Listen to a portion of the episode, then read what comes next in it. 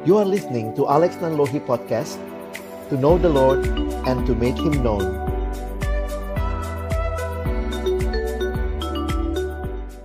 Bapak Surgawi, terima kasih kami boleh berkumpul kembali. Kami percaya ini semua adalah cinta kasih dan anugerah Tuhan bagi kami, sehingga Tuhan terus memperlengkapi kami.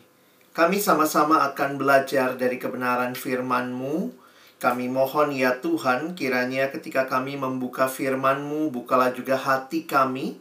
Jadikanlah hati kami seperti tanah yang baik, supaya ketika benih firman-Mu ditaburkan, itu boleh sungguh-sungguh berakar, bertumbuh, dan juga berbuah nyata di dalam kehidupan kami. Berkati baik hambamu yang menyampaikan, setiap kami yang mendengar, Tuhan tolong kami semua, agar kami bukan hanya jadi pendengar-pendengar firman yang setia, tapi mampukan dengan kuasa pertolongan dari rohmu yang kudus, kami dimampukan menjadi pelaku-pelaku firman-Mu di dalam kehidupan kami, di dalam masa remaja kami. Di dalam nama Tuhan Yesus Kristus, Sang Firman yang hidup, kami menyerahkan pemberitaan firman-Mu. Amin. Ya, saya bersyukur kembali teman-teman semua untuk kesempatan boleh sharing firman Tuhan pada hari ini. Kemarin sudah kenalan, kalau yang lupa, saya Alex Nanlohi, saat ini saya di Jakarta, dan saya melayani dalam pelayanan siswa dan mahasiswa Kristen di Jakarta. Jadi ini kesempatan yang indah, boleh sharing firman Tuhan, ketemu dengan teman-teman semua melalui media virtual ini. Nah, kita akan lihat sama-sama, saya akan coba share uh, satu uh, presentasi nanti teman-teman juga bisa uh, ikut mencermati dan nanti di bagian akhir kita ada kesempatan tanya jawab ya. Nah, hari ini kita bicara soal realizing my community. Ya, memang situasi ada di dalam pandemi ini nggak mudah. Teman-teman, kita masih ada di dalam situasi pandemi yang sudah satu setengah tahun ini paling tidak ya kita alami. Awalnya ini adalah hanya masalah kesehatan, tapi kalian bisa lihat ya ini sudah menjadi masalah yang merebak sampai kepada masalah sosial, masalah ekonomi, masalah uh, pendidikan ya kalian harus belajar online begitu ya. Ini pun juga masih belum dibuka sekolah secara tatap muka, lalu orang tua harus bekerja dari rumah, work from home. Jadi banyak interaksi antara anak dan orang tua dan ternyata tidak seindah yang dibayangkan begitu ya. Ada beberapa yang mengalami pergumulan juga dalam relasi dan ini juga jadi masalah uh, spiritual gitu ya. Masalah spiritual ya karena perhatikan kita harus ibadah secara online dan retret kita pun hari ini dalam situasi yang virtual yang online. Nah, tapi saya pikir semua ini hanyalah menjadikan satu apa ya penghayatan bagi kita bahwa ya kita ada dalam dunia yang tidak sempurna, dunia yang sudah jatuh ke dalam dosa dan tentunya Tuhan juga tetap hadir dan rindu terus boleh membangun kehidupan kita. Nah, kalau Lause boleh uh, ajak teman-teman sharing pagi ini, tadi udah pada sharing ya, udah banyak tanya-tanya gitu ya. Tapi Lause ingin tahu saja ya, kita boleh share apa kabarmu hari ini. Tapi Lause minta kalian coba perhatikan ya gambar ini. Pilih satu nomor yang paling menggambarkan situasimu saat ini. Ya, jadi Lause nggak tanya kemarin atau besok, tapi hari ini ya. Silakan apa pun yang kita rasakan, kita tidak saling menghakimi. Ini hanyalah kita mau ya paling tidak tahu kabar satu sama lain. Ya silakan boleh ditulis di live chat. Uh, nomor berapa yang paling menggambarkan? Kalau bilang aduh aku dua nomor lalu pilih satu ya. Nomor berapa yang paling menggambarkan kondisimu hari ini? Silakan. Lalu tunggu ya satu menit ke depan. Silakan teman-teman boleh ketik di kolom chat yang mana yang paling menggambarkan kamu hari ini? Silakan. Oke, okay, thank you. Ada yang udah jawab ya. Nomor 9. Ada yang masih nomor 5 nggak? tadi yang kurang tidur siapa tuh tadi? Silakan, thank you. Makasih kejujurannya, terima kasih. Silakan, ada lagi nomor berapa yang paling menggambarkan kamu? Wah, thank you. Ada yang 10, ada yang 11, 8.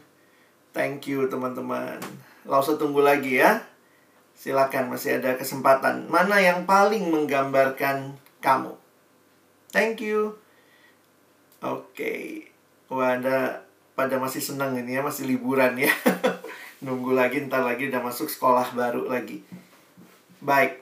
Terima kasih teman-teman yang udah share dan nanti kalau di kelompok juga bisa tanya satu sama lain gitu ya. Eh tadi gue ngeliat kamu nomornya itu gitu ya. Ada yang bisa aku doain nggak gitu ya? Itu adalah cara kita bisa memperhatikan satu sama lain. Wah yang lagi semangat puji Tuhan. Yang lain mungkin lagi lesu ya kita semangatin. Kita boleh saling berbagi. Terima kasih untuk yang sudah share yang udah boleh coba mengungkapkan perasaannya pagi ini Nah, baik, Laus akan mulai dengan mengajak kita melihat ya, ada beberapa fakta yang menarik di dalam kehidupan kekristenan kita. Saya mengutip kalimat dari seorang bernama Eugene Peterson, ya. Ini adalah almarhum seorang teolog yang menuliskan kalimat ini. Nah, menarik sekali. Kita adalah sebuah komunitas. Kita tidak pernah hidup sendiri dan bagi diri sendiri kita dilahirkan di dalam komunitas, kita tinggal di dalam komunitas, kita meninggal di dalam komunitas. Natur manusia bukanlah hidup menyendiri. Nah, ini menarik, teman-teman. Kalau kita mencoba mencermati apa yang disampaikan oleh Eugene Peterson, dan saya pikir ayat yang paling mendasari akan realita ini adalah apa yang ditulis di Kejadian pasal 2. Kalian bisa lihat ya Kejadian pasal 2 ayat 18. Kalau sebaca buat kita, Tuhan Allah berfirman tidak baik kalau manusia itu seorang diri saja. Aku akan menjadikan penolong baginya yang sepadan dengan dia. Nah, perhatikan baik-baik. Ayat ini menunjukkan kepada kita setelah Tuhan menciptakan, kan kitab kejadian ini mencatat awal mula segala sesuatu termasuk awal mulanya manusia. Maka kita melihat bagaimana setelah Allah menciptakan dikatakan baik, baik, baik sampai puncaknya dikatakan sungguh amat baik. Maka pertama kali di Alkitab kita muncul kata tidak baik di ayat ini nih. Ya, di Alkitab kita muncul kata tidak baik pertama kali di dalam kaitannya dengan manusia membutuhkan manusia lain. Jadi siapa yang menghendaki manusia untuk boleh membutuhkan manusia lain? Ya, tentunya Tuhan sendiri. Ya, Allah menghendaki manusia untuk saling mengasihi. Jadi, ayat tadi bukan hanya ayat yang dikaitkan sama pacaran begitu ya. Ada yang bilang, "Wah, saya sekarang lause sudah menggenapi kejadian 2:18, tidak baik manusia itu seorang diri saja." Tetapi ayat itu menunjukkan kemanusiaan kita yang paling dasar bahwa manusia adalah makhluk yang diciptakan Allah dalam relasi dengan dengan Allah tentunya yang pertama, tetapi juga dengan sesama. Makanya kalau kita perhatikan waktu kita mendengar teori manusia makhluk sosial, kalau kamu mungkin anak IPS ngerti gitu ya, wah manusia ini makhluk sosial, itu bukan semata-mata teori sosiologi. Tetapi manusia makhluk sosial adalah realita yang Allah sendiri rancangkan. Karena itu Allah yang merancangkan manusia, kita ini bukanlah makhluk yang hidup sendirian. Nggak ada bayi begitu lahir langsung bisa beli susu sendiri. Dia pasti butuh manusia lain. Ya, sehingga di sinilah kita melihat betapa luar biasanya rancangan Allah bagi kita. Ini menegaskan yang dikatakan oleh Bapak Eugene Peterson tadi kita adalah sebuah komunitas, kita hidup di dalam komunitas. Kenapa? Itulah rancangan Allah bagi kita. Dan Allah pun yang menghendaki kita untuk bisa mengasihi satu sama lain. Makanya waktu ditanya sama Tuhan Yesus, apa sih perintah yang paling utama? Dia katakan, kasihilah Tuhan Allahmu, tapi kemudian juga kasihilah sesamamu. pada kedua hukum inilah tergantung seluruh hukum Taurat dan kitab para nabi.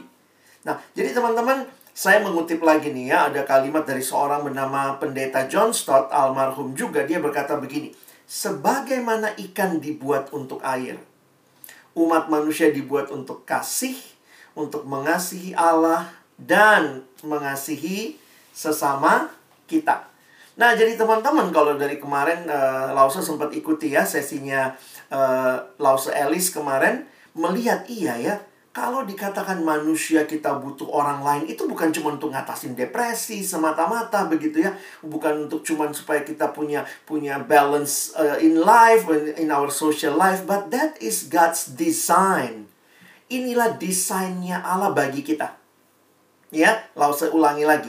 Inilah desainnya Allah bagi kita. Dan saya pikir setiap tahapan kehidupan Tuhan memberikan orang-orang untuk hadir bagi kita. Kenapa? Kita butuh sesama. Paling pertama, waktu kamu lahir. Ya kamu lahir dalam sebuah komunitas yang paling kecil namanya keluarga. Ada orang lain. Ada papa, ada mama, ada mungkin koko, cici, ada dede, Eh belum ada dedeknya ya karena baru lahir kalian ya. Nah, tapi kemudian kalian perhatikan bahwa Allah yang merancangkan kita menempatkan kita dalam sebuah komunitas yaitu keluarga. Nah, mulai nanti bertumbuh, masuk sekolah. Nah, di sekolah Tuhan kasih juga sahabat. Jadi kalau kita perhatikan, teman-teman, di tengah-tengah kehidupan kita, di dalam setiap tahapan kehidupan, Tuhan memberikan orang lain. Yang pertama tentunya tadi keluarga, dan itu sampai kapan pun ya ikatannya nggak pernah lepas.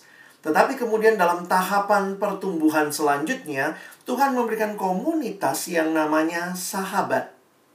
Teman. Ada yang coba membedakan, oh kalau teman itu sama semua orang bisa, katanya Lause. Kalau yang namanya sahabat, wah itu lebih dekat, lebih sedikit. Nah, tapi ya sama lah ya orang-orang yang hadir dekat dengan kita, mungkin secara jarak, tapi belum tentu secara jarak. Sekarang dengan kemajuan teknologi ya bisa juga secara secara virtual. Jadi ada kedekatan yang lebih daripada sekadar jarak, tetapi ada keterlibatan yang kemarin ya emosional ya ada relasi di situ ada kedekatan ada pengenalan nah sekarang Lause minta kita coba aktivitas sebentar ya Teman-teman, pastikan kamu sudah jalani persahabatan selama ini. Ya. Nah, Lause minta kalian coba share. Tapi share-nya ini Lause minta kalian share-nya gampang kok ya. Coba nanti kalian akses ini padlet.com lalu nama saya itu ya lalu slash sahabat persahabatan yang baik itu seperti apa. Nah, Lause minta, karena ini pakai Padlet, kalian bisa upload gambar. Kalian cari gambar apa yang menurut kalian menggambarkan persahabatan yang baik. Oke?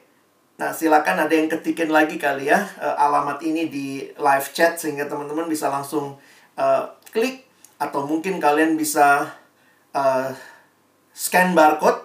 Jadi Lause minta kita coba lihat persahabatan yang baik itu kira-kira seperti apa yang kamu bayangkan. Silahkan di Padlet itu gampang, tidak usah sign in. Jadi anonimus saja, masuk aja. Lalu nanti kalian klik, di situ kalian bisa upload gambar ya. Oke, jadi langsung tunggu. Silakan teman-teman, nanti kita di Padlet ini boleh share. Oke, nanti langsung munculkan di sini ya. Silahkan persahabatan yang baik itu seperti apa? Ada yang udah tes-tes tuh ya. Dilihat kalau kalian klik itu ada ada tanda foto bisa bisa kalian search juga.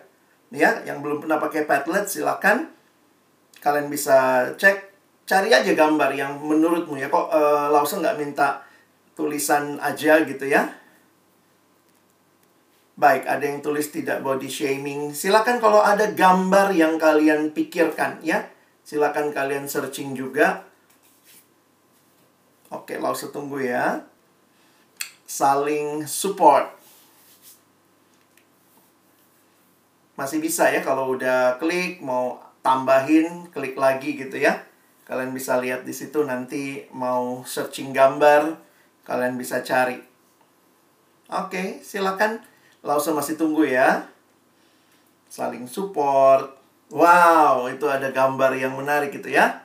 Saling support itu. Wah, terkonek.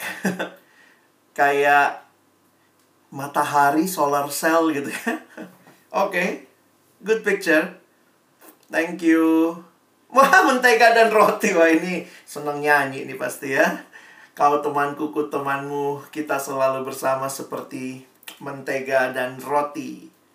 Silakan yang masih ingin menampilkan. Kita ada beberapa orang di sini. Padlet.com, Alex Nanlohi, slash sahabat. Silakan Lausa masih tunggu sebentar lagi ya. Ada yang SpongeBob, ada yang ini kepompong ya. Seperti aku dan kamu. Oke. okay. Thank you. Seru-seruan bareng. Good. Wah, udahlah. Langsung kayaknya udah tutup doa aja. Ini udah pada tahu lah. Harus jadi seperti apa ya. Realizing my community. Wah, langsung ini foto bareng gitu ya. Siapa nih? Oh, bagus nih pakai masker ya. jadi sahabat yang saling menjaga walaupun pergi bareng mungkin ya tapi ini kan kita lagi kena PPKM darurat ini ya oke okay, thank you ya buat teman-teman yang udah share sendok dan garpu ya good picture thank you oke okay, jadi uh, Lause harap nanti teman-teman bisa tetap masukin aja ya uh, Lause belum hapus padletnya saya Lause pakai yang gratisannya cuma bisa tiga tiga Padlet. Jadi silakan kalau masih mau masukkan ke situ, kalian kalau masuk ke situ pun kalian bisa lihat gitu ya satu sama lain. Ya, oke. Okay. Baik. Thank you buat yang sudah share. Sekarang Lausa coba lanjut gitu ya untuk kita lihat sebenarnya apa sih kata Alkitab lebih jauh lagi tentang persahabatan, ya. Baik. Nah, sekarang Lause ingin ajak kita untuk lihat sama-sama beberapa definisi atau bukan beberapa lah. Ini satu definisi yang Lause lihat gitu ya. Ada yang menuliskannya seperti ini. Jadi sahabat adalah seorang atau orang yang mengetahui hal yang paling buruk tentang dirimu namun masih tetap mengasihi engkau sebagaimana adanya. Beberapa orang mengkaitkan dengan tema retret kalian juga ya seorang sahabat menaruh kasih setiap waktu dan menjadi seorang saudara dalam kesukaran. Amsal 17 ayat 17. Sehingga kalau kita perhatikan pertanyaannya gini nih teman-teman ya.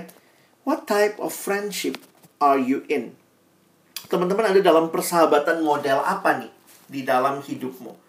Ada beberapa yang menggambarkan dengan kalimat demikian we have three types of friends in life friends for a season, uh, for a reason friends for a season and friends for lifetime nah tentunya kita bisa menyadari ya bahwa memang dalam dunia ada aja yang kayak gini ya. Kamu pun mungkin juga seperti itu. Ah, aku temenan sama dia kok, anaknya pinter. Kenapa? Supaya gue bisa diajarin sama dia. Aku bisa belajar dari dia. That, that's friend for a reason. Sometimes it's a good reason. Sometimes also mungkin hal-hal yang nggak benar gitu ya. Sehingga memang hati-hati dalam bersahabat.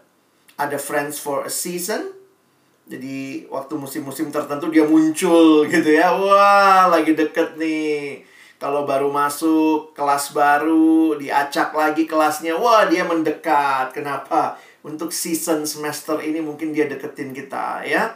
Nanti kalau dia udah punya temen ya belum tentu ya. Another season mungkin. Nah, termasuk kalian yang suka pindah-pindah kota yang dulu mungkin temennya di sekolahan ini terus pindah sekolah ya itu season. Kita nggak bisa menutup mata bahwa ada temen yang memang cuman ya segitu itu temen SD ya udah. Itu temen SMP tapi ada yang bilang itu temen SD ku dari SD sampai hari ini. Nah ini kita bersyukur ada juga friends for a lifetime. Nah tetapi kenapa kalau kita bicara persahabatan di Alkitab sendiri Lause bersyukur sekali bahwa ternyata teladan persahabatan itu diberikan oleh oleh Yesus sendiri. Jadi sebelum kita sadar, wah kita punya komunitas yang harus begini, begitu, begini, begitu. Teman-teman lihat, di dalam Alkitab ada ayat-ayat yang menyatakan tentang Yesus yang adalah sahabat kita. Di dalam Yohanes 15 ayat yang ke-9. Kalimatnya menarik. Seperti Bapa telah mengasihi aku, demikianlah aku juga telah mengasihi kamu. Tinggallah di dalam kasihku itu. Nah, sebenarnya ayat ini nanti berlanjut ke ayat ini. Kalau tadi ayat 9, perhatikan ayat ini. Lause angkat ayat 14. Yesus berkata, kamu adalah sahabatku. Berarti Yesus sahabat kita, kita sahabatnya. Jikalau kamu berbuat apa yang kuperintahkan kepadamu. Aku tidak menyebut kamu lagi hamba, sebab hamba tidak tahu apa yang diperbuat oleh tuannya, tetapi aku menyebut kamu sahabat karena aku telah memberitahukan kepada kamu segala sesuatu yang telah kudengar dari Bapakku. Perhatikan, tadi dikatakan tinggallah di dalam kasihku. Sekarang ayat 14, kamu adalah sahabatku. Nah, ini Lause kasih tulisan untuk menjelaskan ayat ini kasih Yesus dengan Bapa adalah kasih persahabatan yang setara. Kita mengakui Allah Tritunggal, Bapa, Anak, Roh Kudus, tidak ada yang lebih tinggi satu sama lain. Di dalam dunia ini kita melihat bahwa Allah Tritunggal, Yesus, Bapa, ini kasih persahabatan yang setara. Yang tidak membuat anak menjadi hamba pada Bapa. Dan kasih yang tidak memiliki rahasia di antaranya. Kasih inilah yang kemudian ditawarkan oleh Yesus kepada murid-muridnya. Lihat, Tuhan Yesus ngomong apa? Tinggallah di dalam kasihku itu. Kasih yang bagaimana? Ini nih. Seperti Bapa telah mengasihi aku, demikianlah aku telah mengasihi kamu. Tinggallah di dalam kasih yang seperti itu. Kasih inilah yang ditawarkan oleh Yesus kepada murid-muridnya. Tawaran Yesus adalah supaya mereka tinggal di dalam kasih itu. Jadi, kalau kita melihat persahabatan, kita lihat apa yang Yesus berikan kepada kita, apa yang Yesus harapkan dari kita, maka harusnya kita pun bisa memahami persahabatan yang setara. Jangan memandang rendah orang lain. Hanya karena dia tidak punya apa yang kamu punya, lalu kamu bilang, "Ih, miskin. Ih, goblok amat sih. Bodoh sekali sih. Jadi persahabatan yang setara yang di dalamnya kita pun bisa belajar terbuka. Memang keterbukaan butuh proses, tetapi proses yang terjadi Yesus berkata, ya ini tadi ya kalimatnya. Kalau hamba, hamba tuh nggak tahu yang diperbuat tuannya. Tetapi Yesus bilang, kamu tahu. Aku memberitahukan kepadamu karena itu Yesus tidak menyebut kita hamba, tetapi kita disebut sebagai sahabat. Jadi teman-teman saya bersyukur ada teladan persahabatan seperti ini di dalam Alkitab. Bahkan nanti kalau kalian lihat ayat selanjutnya ya, bahwa tidak ada kasih yang lebih besar daripada kasih seorang yang bahkan memberikan nyawanya untuk sahabat-sahabatnya. Jadi itu sebuah realita nanti uh, Lause akan bahas di bagian yang kedua nanti ya. Nah jadi kita udah pada sahabatan nggak dengan Yesus? Karena saya menghayati gini, untuk kamu dan saya bisa jadi sahabat sejati, kita harus punya persahabatan dengan Yesus terlebih dahulu. Sudah add nggak? Yesus punya Facebook. Oh bukan Facebook, Facebook katanya ya. Kalian sudah nge-add belum? Jesus profile, ada Facebooknya Yesus katanya begitu ya. Karena sekarang generasi medsos sudah friend dengan Yesus. Oh, kamu mesti cek kali ya. Jangan-jangan Yesus sudah kirim request, kamunya yang belum confirm ya. Jesus Christ want to build relationship with you. Nah, jadi teman-teman, dari titik inilah Lause ingin mengajak kita masuk ke dalam, yuk kita lihat komunitas kita. Yuk kita evaluasi persahabatan kita. Khususnya apa? Khususnya ya persahabatan di di uh, komisi remaja kita ya, persahabatan mungkin juga kalau kalian ada teman-teman di sekolah, saya pikir bisa diperluas seperti itu. Nah, Alkitab memberikan beberapa petunjuk kepada kita untuk kita waspadai tapi juga ada petunjuk untuk kita ikuti. Nah, hal-hal yang perlu diwaspadai soal persahabatan ternyata jelas di Alkitab. Ini salah satunya. Amsal 18 ayat 24. Ternyata ada teman yang kita harus hati-hati ya. Ada teman yang mendatangkan kecelakaan, tetapi ada juga sahabat yang lebih karib daripada seorang saudara. Jadi Amsal ini kan memberikan banyak nasihat kepada kita, nasihat dalam kehidupan. Sehingga diingatkan bahwa tidak selamanya yang namanya teman itu pasti mengharapkan yang baik untuk kamu. Ada juga yang mungkin ingin kamu celaka. Nah, di sinilah kita ternyata diminta untuk hati-hati. Tetapi jangan skeptis dengan persahabatan. Sekali dikecewain, udah deh. Kok gue nggak mau sahabatan lagi seumur hidup? Nggak juga. Ada sahabat yang lebih karib daripada seorang saudara. Nah, di perjanjian lama, ini ayatnya di Amsal. Di perjanjian baru, Rasul Paulus yang ingetin. Ya, 1 Korintus 15 ayat 33. Janganlah kamu sesat. Pergaulan yang buruk merusakkan kebiasaan yang baik. Perhatikan kalimatnya. Bukan cuma pergaulan yang buruk merusakkan perbuatan baik, tetapi yang dirusak itu kebiasaan. Teman-teman, membangun kebiasaan itu nggak mudah. Karena kebiasaan itu harus dibangun dengan dilakukan, besoknya lagi dilakukan. Jadi ada habit yang terbentuk. Dan perhatikan, hanya karena pergaulan yang buruk, yang dirusak itu adalah sebuah kebiasaan baik yang mungkin kamu sudah bangun bertahun-tahun. Karena itu ini dalam bahasa Inggrisnya do not be misled. Bad company corrupts good character. Pergaulan yang buruk yang dirusak itu kebiasaan yang baik. Nah, jadi teman-teman kita diminta hati-hati nih dengan persahabatan. Siapa sahabat kita? Katanya ada yang mencoba menggambarkan what is a future kamu bisa bertanya tentang apa itu masa depan dengan pertama melihat studi apa yang kamu ambil sekarang. Nah, itu kan gambaran masa depanmu, ya. Lalu kemudian ada lagi yang melihat tentang uh, apa ya banyak hal lah ya, tapi yang uh, Lause sangat ingat itu adalah dia bilang begini. Salah satu hal yang perlu kamu tanya kalau kamu mau tahu masa depanmu, dengan siapa kamu bergaul? Karena siapa atau dengan siapa kamu bergaul hari ini, kira-kira seperti itulah gambaran masa depanmu. Kalau kamu bergaul dengan orang-orang yang waduh kayaknya asik aja santai ya, bisa ngomong kotor, ngomong jorok begitu ya. Kayaknya kalau maki-makian itu biasa banget begitu. Oh, kalau itu temenmu, kira-kira masa depanmu seperti apa? Lihat aja, siapa temenmu? Kamu bergaul dengan siapa? Kira-kira seperti itulah kamu di masa depan. Dan itu sangat ngeri kalau kita melihat akhirnya Mungkin kita berpikir sekarang, wah gue jadi anak yang fun, anak yang asik. Tapi ternyata itu nggak asik bagi Tuhan, nggak asik untuk umat Tuhan. Dan tentunya ke depan itu kamu akan menuai hal yang buruk. Jadi ternyata Alkitab memberikan kepada kita warning akan hal ini. You want to know your future? Lihat dengan siapa kamu bergaul sekarang, kira-kira itu gambaranmu masa depan. Nah, lalu bagaimana jadi sahabat yang baik? Realizing the community around us. Nah, tema retret kita adalah be present. Ya. Nah, ini yang tadi Lause katakan ya. Saya waktu menghayati be present, sometimes it's not about distance. Ini bukan masalah jarak, teman-teman. Kamu bisa jadi deket banget sama orang, tapi kamu nggak ngerasa itu sahabatan. Bisa gitu ya?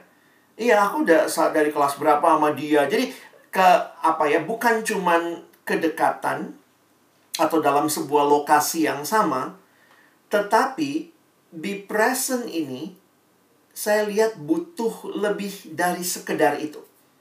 Maksudnya Lause bilangnya begini ya, tentu orang yang dekat sama kita istilahnya modal untuk bersahabat lebih gampang.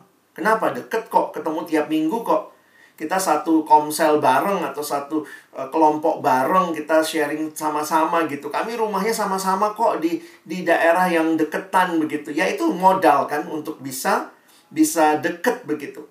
Tetapi realitanya khususnya dalam masa-masa online ini kita jadi sadar gitu ya.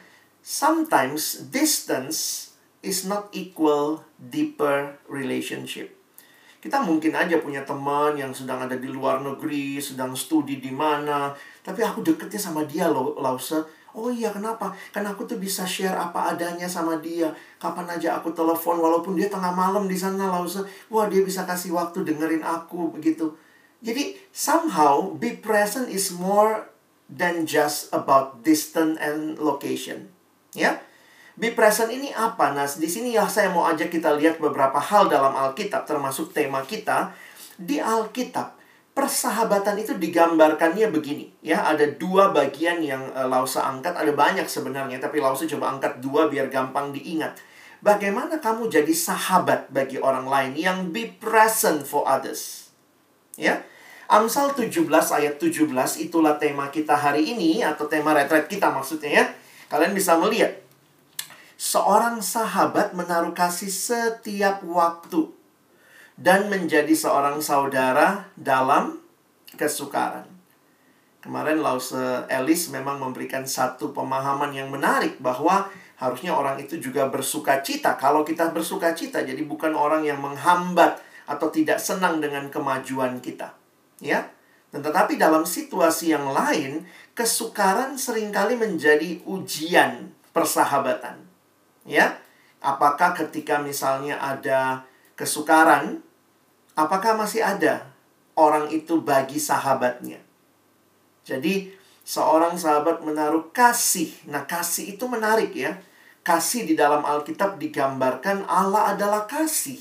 Dan waktu Allah mengasihi kita, Allah memberikan anaknya yang tunggal. Nanti kita akan bahas di sesi selanjutnya, ya. Jadi, uh, Lausa berpikir bahwa sebenarnya inilah ujiannya bukan menaruh kasih sewaktu-waktu, tetapi setiap waktu. Dan bukan hanya jadi saudara waktu senang, tetapi dalam kesukaran pun itu menjadi ujian persahabatan. Jadi bukan hanya persahabatan yang di permukaan, ya, tetapi persahabatan yang dalam karena di situ ada kasih setiap waktu. Nggak gampang loh mengasihi setiap waktu. Tentu ya kita sama orang tua kita di rumah, sama koko cici, dedek kita aja kadang kesel. Apalagi dengan sahabat juga mungkin. Tetapi seorang sahabatlah seorang yang mau berjuang menaruh kasih setiap waktu. Belajar untuk bisa mengasihi. Ya, jadi ini yang pertama. Kasih itu ya terbuka, menerima. Tetapi kemudian kalau kalian perhatikan ada amsal yang lain ada 17-nya juga nih ya. Tadi Amsal 17 ayat 17, sekarang Amsal 27 ayat 17. Di sebelah ada gambar itu, itu bahasa Inggrisnya. Iron sharpens iron, so man sharpens another. Jadi, besi menajamkan besi, orang menajamkan sesamanya. Nah, di dalam bahasa yang lain atau terjemahan bahasa Indonesia masa kini BIMK, sebagaimana baja mengasah baja, begitu pula manusia belajar dari sesamanya. Nah, kalau saya itu ya ayat ini ya. Manusia belajar dari sesamanya. Jadi akhirnya saya melihat ini sekali lagi a, a, a good friendship is not only about distance and location, but it's more about love and also sharing atau caring atau sharpens another. Kalau bahasa Indonesia lebih gampang ya. Kalau tadi kasih yang di sini asah ya, makanya ada yang menggambarkan sahabat yang membangun. Dia asih, ya asih itu dari kata kasih dan dia asah berarti dia juga mengasah. Saling mengasih, saling mengasah. Nah, teman-teman, inilah yang sebenarnya membangun persahabatan itu. Jadi sekali lagi bukan masalah dekat satu gereja ya. Kalau kalian tidak memperjuangkan saling mengasihi, kalian tidak memperjuangkan saling mengasah, walaupun kalian satu komisi remaja, itu nggak akan terjadi. Kenapa? Karena sebenarnya ini modal yang Tuhan kasih sama kita. Ya, memang harus seimbang. Kasih tanpa mengasah itu cenderung menjadi manja. Oh, cuman dikasihi. Dia bikin salah ya udah ndak apa-apa. Aku kemarin habis membunuh, oh ndak masalah, bunuh lagi gitu ya. Kalau kayak begitu, ah, kasih terus kasih kasih kasih kasih tidak ada teguran. Tapi ya kita butuh kasih dan saling mengasah. Mengasah itu ya kita ya sakit-sakit deh, tapi saya tahu itu untuk kebaikanmu. Saya negur ini bukan untuk jatuhin kamu. Kalau saya mengasihi kamu, maka teguran menjadi bagian yang saya berikan maka ada saling mengasah. Tentu nggak ada orang yang senang ditegur, tetapi ini harus dilakukan dan kalau kamu percaya bahwa sahabatmu mengasihi, maka teguran dia, kritikan dia, kita tahu itu keluar dari kasih, bukan dari keinginan menjatuhkan. Tapi kalau cuma mengasah aja, nggak mengasihi, itu jadi kejam. Ya, asih tanpa asah jadi manja. Asah tanpa asih is only rude. Ya, hanya kritikus, bukannya berharap sesuatu, tetapi hanya cari kesalahan. Nah, jadi teman-teman, kita ada dalam dunia yang sedang kita jalani, maka pertanyaannya, bagaimana kita melihat hal ini? Seringkali memang kita berkata, mungkin ya, ini Lause berasumsi aja. Aduh Lause, susah banget deh cari sahabat yang kayak gitu. Aku dulu Lause ya, punya sahabat yang begini, begini, begini. Terus aku dikecewain Lause. Aduh Lause, aku udah gak percaya lagi. Ada lagi yang mungkin cerita, aduh Lause ini sahabatku. Dia tuh pokoknya kritik terus ya. Aku sampai bingung, dia mengasihiku apa enggak ya Lause ya. Susah ya Lause ya, katanya hari ini kita mesti belajar jadi cari sahabat yang asih dan asah. Tapi Lause berpikir gini teman-teman ya Inilah cara kita sering kali yang salah memandang. Ini masalah perspektif. Seringkali kita hanya sibuk cari sahabat yang seperti itu. Tetapi kalau kalian melihat apa yang Alkitab sampaikan, sebenarnya ini lebih positif. Bukan sekadar cari sahabat, teman-teman. Tetapi jadilah sahabat yang seperti ini. Lause banyak keliling komisi-komisi remaja gereja. Lalu kalau bicara persahabatan, remaja suka ngomong gitu. Aku nggak ketemu Lause sahabat yang kayak gitu di komisi remaja aku Lause. Aku nggak ketemu. Wah ideal banget itu firman Tuhan. Aku nggak ketemu yang kayak gitu. Betul sih, kamu nggak ketemu. Tapi yang Lause pengen tanya, kamu sedang berjuang nggak jadi sahabat yang seperti itu? Kadang-kadang kita sibuk cari sahabat. Tapi kita lupa jadi sahabat. Kamu kecewa, nggak ada sahabat yang kayak gitu. Tapi kalau kamu nggak berjuang jadi seperti itu, maka ingat, temanmu pun nggak akan ketemu sahabat yang kayak kamu cari. Nangkep yang langsung maksud ya. Jadi ini menarik ya. Ada kalimat yang dikatakan begini ya. Ini langsung kasih bahasa Indonesia-nya dulu ya, nanti lihat bahasa Inggrisnya. Aku keluar dan mencari sahabat. Tidak ada sahabat yang kutemukan. Lalu aku keluar lagi. Dan kali ini aku menjadi sahabat. Wow, ternyata banyak sahabat di mana-mana. Lihat ya bedanya ya. If you go out looking for friends, you are going to find they are very scarce. Kamu keluar cari sahabat itu langka sekali, very scarce. But if you go out to be a friend, you will find them everywhere. Jadi memang ini tantangan yang uh, yang Lause lihat ya buat kita sekalian. Tantangan menjadi sahabat. Ini tantangan komisi remaja di mana-mana ini, ya. Katanya masa remaja ini masa sahabat gitu. Tapi kemudian selalu yang terjadi adalah saya mau cari sahabat yang kayak gitu. Lause tidak bilang uh, tidak ada sahabat kayak gitu ya. Mungkin ya ada pasti ya dan mungkin langka dan banyak kali yang Lause dengar yang kayak tadi saya nggak ketemu di kelas nggak ada yang kayak gitu, di sekolah nggak ada yang kayak gitu, di komisi remaja nggak ada yang kayak gitu, di gereja orangnya munafik-munafik nggak kayak gitu. Pertanyaan yang langsung selalu tanya, kamu sendiri sedang berjuang nggak? Jadi sahabat yang seperti apa? Ya jangan jadi seperti yang kamu nggak suka itu. Kenapa? Karena kita mungkin sangat egois dengan diri kita, ya. Nah, jadi waktu kita bicara persahabatan pagi ini. Realizing my community is not asking yang mana sahabatku yang mestinya asih dan asa yang kayak Lause bilang.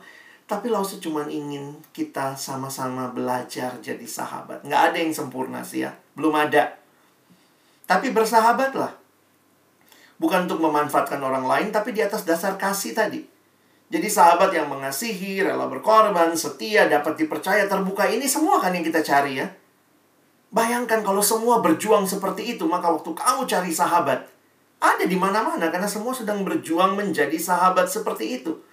Jadilah sahabat tanpa membeda-bedakan. Jadi sahabat buat semua orang Indonesia ini beragam gitu ya. Kalau kalian di sekolah-sekolah yang campur ya, ada yang mungkin orang Tionghoa, ada yang mungkin orang pribumi Indonesia, ada yang mungkin orang dari uh, suku yang lain. Satu sama lainnya kita nggak ada bedanya di hadapan Tuhan sama kok.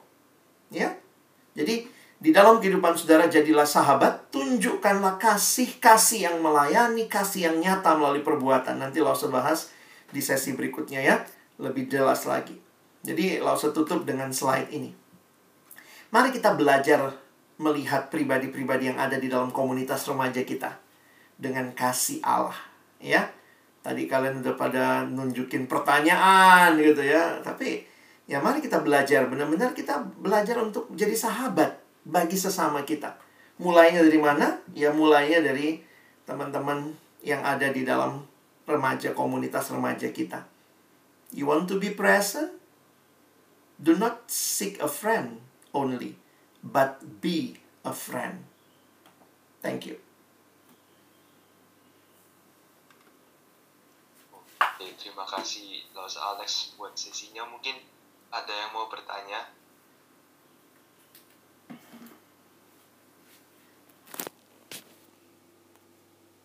Oh ya, saya Lause, Iya. semua eh, saya saya mau bertanya. Ya, silakan Sean.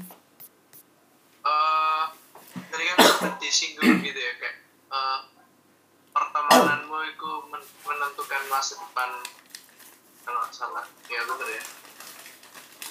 Cuman tadi juga disinggung kalau misalnya cari pertemanan itu yang kasih sama yang asah. Nah eh, pengalamanku sekarang Hmm. gitu ya, aku punya punya kelompok persahabatan gitu ya. Hmm. Nah, eh ya itu kayak tadi, eh, kayak kadang ngomong kotor, kadang Hmm. pokoknya nggak nggak nggak yang baik-baik lah. Hmm. Cuman aku di dalam kelompok itu aku bertumbuh, terus aku juga merasa dikasih kayak gitu. Hmm. Jadi kalau misalnya dibilang harus cari sing oh, bener-bener sempurna gitu, enggak, enggak. Malah nggak nyaman gitu lah. Karena ya memang udah bertumbuh di kelompok itu sudah lama kayak gitu. Jadi Hmm. Apakah kayak gitu juga masih salah gitu? Hmm. Oke, thank you Sean. Um, Lause lihatnya begini. Hampir pasti kalian tidak cuma punya satu klik atau satu kelompok. Poinnya Lause adalah ada juga ya kelompok mungkin yang di gereja, ada mungkin juga kelompok yang di eh, yang macam-macam ya di sekolahan, ada yang mungkin teman lama, ada yang dulu teman les-lesan gitu ya. Nah, Lause cuma ingin ingatkan begini. Seringkali ketika di satu kelompok ini mungkin kita bertahan di situ karena mendapatkan sesuatu. Tetapi yang Lause ingin ingatkan jangan-jangan nah tadi saya sebenarnya udah kasih hintnya ya. Di situ saya merasa dikasihi. Tetapi pertanyaannya apakah kamu juga diasah di kelompok itu? Jadi kadang-kadang banyak sih yang mengasihi kita ya. Oh, sesama pem- pemakai narkoba tuh waduh ikatan ikatan kasihnya luar biasa itu ya. Saling berbagi narkoba kalau sulit gitu ya. Itu kasih kan bagi. Tapi kalau kasih tidak disertai asah, nah ini yang jadi masalah. Jadi akhirnya kamu diterima tapi kesalahan kamu tidak dituding, tidak dikoreksi, tidak dibangun.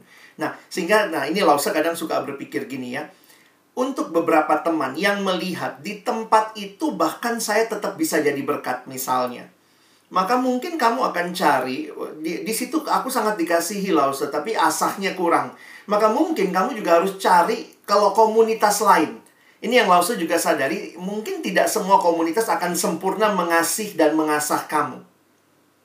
Tapi kamu butuh dua-duanya. Jadi kadang-kadang Tuhan provide kamu dari dua jenis komunitas yang kayaknya sangat bertolak belakang tetapi kamu diasah dan di, di, dikasihi. Nah, sehingga bisa jadi begini, ya masa depanmu ya kamu akan jadi orang yang terasah dan dikasihi. Di kelompok yang sangat mengasihi kamu, bahkan kamu mulai bisa jadi berkat. Eh, udahlah, jangan ngomong jorok. Kamu yang mungkin akan jadi trendsetter di situ. To help them know bahwa kasih tanpa mengasah itu bukan segala-galanya. Nah, di kelompok yang hanya mengasah, nggak ada kasih.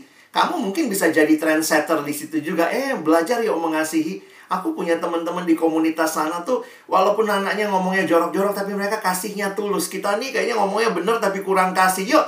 Jadi sebenarnya at the some point saya melihat kamu harus memberi diri atau buka diri untuk punya kelompok yang lebih luas mengasihi dan mengasah kamu.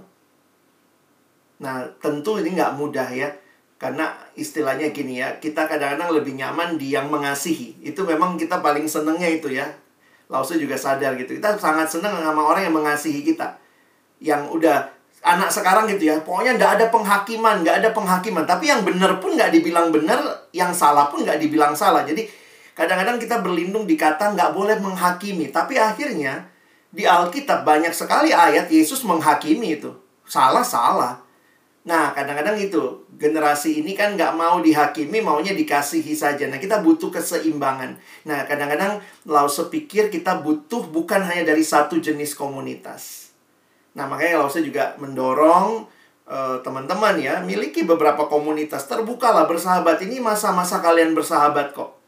Nah, tapi di situ kalian terus mesti jaga keseimbangan, mengasihi, dan juga mengasah. Mungkin itu nasihat saya. Thank you. Thank you. Iya, sama-sama. Yang lain kalau ada yang mau tanya, jangan malu-malu guys. Langsung aja tanya guys. Eh, Lause, saya mau tanya Lause. Iya, silakan. Boleh tahu namanya, Lause nggak kelihatan soalnya. Oh iya, Stefani. Oh iya, Stefani silakan. Ya, jadi kalau misalnya kita di satu circle gitu ya Lause. Hmm terus kita misalnya diajak ngelakuin hal yang kurang baik misalnya aja mencontek ya. Iya. Nah terus pertama kita sudah nolak karena kita ya nggak nggak enak hati. Maksudnya nggak enak hati nggak nggak serem kalau nyontek gitu kan. Mm dosa juga kalau mencontek. Jadi kayak pingin kerja sendiri. Nah pertama kita sudah nolak. Terus nanti ulangan selanjutnya mm. mereka ngajak lagi. Padahal kapan hari kita sudah nolak. Nah itu gimana ya Lalu kita mm. menolak lagi dengan tidak menyakiti hati mereka tuh dengan seperti apa ya Iya. Thank you Stefani. Ini pergumulan yang sangat real buat remaja dan Lause juga alami. ya memang nggak mudah, tapi bukan berarti nggak ada jalan keluar. Memang yang paling pertama dan harus kita ingat adalah kita harus ingat. Uh, jadi Lause belajar dari prinsip tadi ya. Kadang-kadang kalau kita bilang cari sahabat, cari sahabat, yang kayak gini kayak gini. Lama-lama kita nggak sahabatan. Kenapa? Yang sana minusnya ini ini tukang nyontek ini tukang ngomongin orang ini tukang bully temen. Jadi kadang-kadang juga Lause berpikir gitu ya kalau kita bicara cari sahabat harus yang sempurna nanti kita nggak punya sahabat malah. Nah tapi yang Lause selalu ingat mari belajar jadi sahabat. Memang yang sedih gitu ya kadang-kadang yang punya pengaruh buruk itu trendsetter banget gitu eh kasih contekan dong kok jadi dia yang ngatur kita gitu ya? Terus kita takut men menyakiti dia tapi dengan apa? Dengan tetap jadi kita pingin jadi sahabat yang nggak nyakitin dia tapi kita nggak nolong dia juga sebenarnya. Jadi akhirnya kok uh, Lausa sempat mikir gini ya dalam hati waktu itu ya. Kok saya nggak bisa jadi trendsetter ya? Kok malah saya yang follow dia? I'm trend follower. Dia ajak nyontek. Kok kayaknya kalau nolak kok aku yang rasanya uh, sungkanan kok di aku ya padahal kan dia yang ngajak, kalau aku ndak mau, kenapa ndak aku yang ngajak dia? Jadi Lause ubah cara pikir Lause. Kenapa ndak aku yang ngajak dia? Ngajaknya apa? Ya mungkin saya nggak akan bilang gitu. Siapa yang mau nggak nyontek? Ayo kumpul sama saya. Saya nggak mau nyontek. Itu malah bikin tambah uh, sombong, lalu kayak apa ya. Tapi yang Lause lakukan waktu itu ya, paling tidak dengan satu temen yang Lause punya. Ini Lause alami sampai kuliah ya jadi langsung di kuliah itu ada teman-teman yang, nah saya ini kan uh, ya Tuhan kasih kesempatan ya. Lause tuh kuliahnya di UI, lalu kemudian waktu masuk UI, Lause tuh dapetnya uh, bebas tes gitu ya. Jadi itu nah di zaman Lause dulu anak yang bebas tes itu nomor mahasiswanya ada tanda. Jadi kalau belakangnya ada tanda nomor 7, nah ini berarti anak jalur prestasi dan semua teman itu nggak peduli gitu pasti anak prestasi dianggap pasti pinter gitu ya. Jadi waktu itu saya kalau ulangan ujian di kuliah ini ya, saya langsung ditaruh di tengah-tengah. Taruh si Alex di tengah, katanya pakai PMP, PMP apa itu? Posisi menentukan prestasi. Jadi Lause diharap di tengah, lalu Lause yang bagi-bagi sama teman-teman. Awalnya Lause nggak bisa nolak. Lause ini anak daerah. Lause itu dari Makassar, ya, kampung sama uh, Lause Patri ya. Lause itu dari Makassar SMA-nya, kuliah ke Jakarta. Itu tuh rasanya nggak punya temen tuh gimana tuh, berasa kan? Wah nggak berani nolak.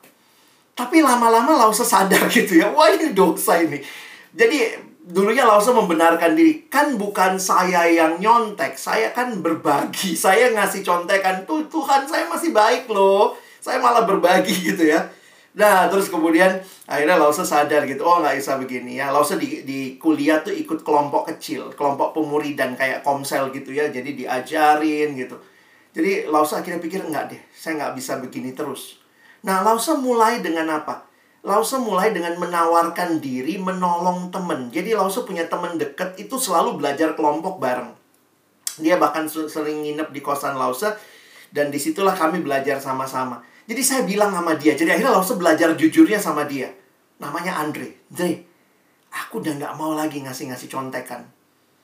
Tapi kalau belajar di luar ujian, ayo, ayo, tak bantuin. Saya bikinin catatan segala macam. Pokoknya saya yang bantuin gitu. Tapi kalau di ujian kita musuhan gitu ya, saya bilang gitu. Awal-awalnya Andre ini susah mengerti. Tetapi ketika dia lihat kesungguhan Lause juga Lause nolong dia, Lause pinjemin catatan. Catatan Lause itu dulu di kuliah tuh jadi master. Master itu karena Lause rajin nyatet, ditaruh di fotokopian. Jadi orang kalau mau ujian tuh fotokopi catatan Lause semua gitu ya. Nah, jadi saya begini. Saya takut kehilangan teman. Tapi saya harus berpikir bagaimana membangun teman. Nah, itu yang Lause usahakan. Tidak mudah. Akhirnya si Andre ini yang ngerti. Jadi waktu ujian, Lause ingat tuh ya, waktu ujian terus teman-teman, ah Alex, Alex sini duduk sini tuh. Tiba-tiba si Andre yang ngomong, janganlah dia udah nggak mau. Kan catatannya udah dikasih juga sama kamu. Ya udah, jadi Lause sadar waktu itu Lause nggak berani ngomong ya. Eh si Andre yang ngomong. Jadi dia yang akhirnya memberikan penjelasan bahwa Lause tidak tidak berhenti menolong. Dalam arti kadang-kadang gini ya, saya nggak mau ngasih contekan ya. Udah terus orang kesel sama kita. Tapi Lause tunjukkan kualitas. Satu-satunya cara melawan dosa-dosa seperti ini, tunjukkan kualitasmu. Lause catatannya bagus. Jadi gini, yang dulu bilang ke Lause gitu, ah janganlah. Jadi Lause ini dari dari dari kuliah udah dipanggil pendeta. Jadi karena teman saya lihat, wah pendeta itu udahlah dia nggak mau kasih contekan. Mereka marah ke Lause kalau ujian, tetapi di luar ujian ternyata mereka cari Lause karena catatan. Jadi karena saya punya kualitas dan saya juga nggak pelit ya. Catatan ya udah, kamu memang mungkin anaknya susah nyatet ya, saya senang nyatet ya saya kasih gitu. Jadi akhirnya kualitas itu menolong mereka melihat. Nah poinnya Lause sebenarnya begini. Teman-teman lewatin lah proses itu. Nggak mudah kan bersahabat itu kan nggak mudah. Kalian juga mau jadi teman yang baik buat temanmu tapi jangan jangan terus-menerus berpikir dengan membiarkan orang di dalam kesalahan itu menolong dia. Carilah cara menolong mereka dengan baik. Nah, mungkin uh, dengan cerita ini sih Lause cuma mau ingatkan bahwa uh, kalian yang paling kenal sahabatmu. Ada situasi tertentu Lause harus memutuskan persahabatan karena itu sangat toksik buat Lause. Lause punya sahabat dulu itu ya Lause ini bukan anak baik-baik dulunya ya. Waktu SMP itu saya terjebak sama pornografi. Jadi ada teman-teman yang kami saling tukeran video porno. Itu biasa sekali SMP loh. Wah, di saat Lause kenal Yesus ya, Lause harus putuskan persahabatan. Kenapa? Karena saya tahu ini sahabat yang gak akan bawa saya ke mana-mana. Ini hanya akan membawa saya dalam dosa. Tapi kalau persahabatan dalam kaitan itu ya teman belajar, kuliah, teman di SMA. Nah, itu langsung masih punya uh, pertimbangan ya. Ini masih teman-teman yang saya masih bisa jadi berkat buat mereka. Kalau yang itu tuh langsung sadar betul. Saya lemah, malah saya yang keikut sama mereka. Jadi, teman-teman yang harus punya standar. Nah, sorry, mungkin itu ya jadi kepanjangan deh jawabannya. Sama-sama, Steph. Ada lagi? Mungkin ada lagi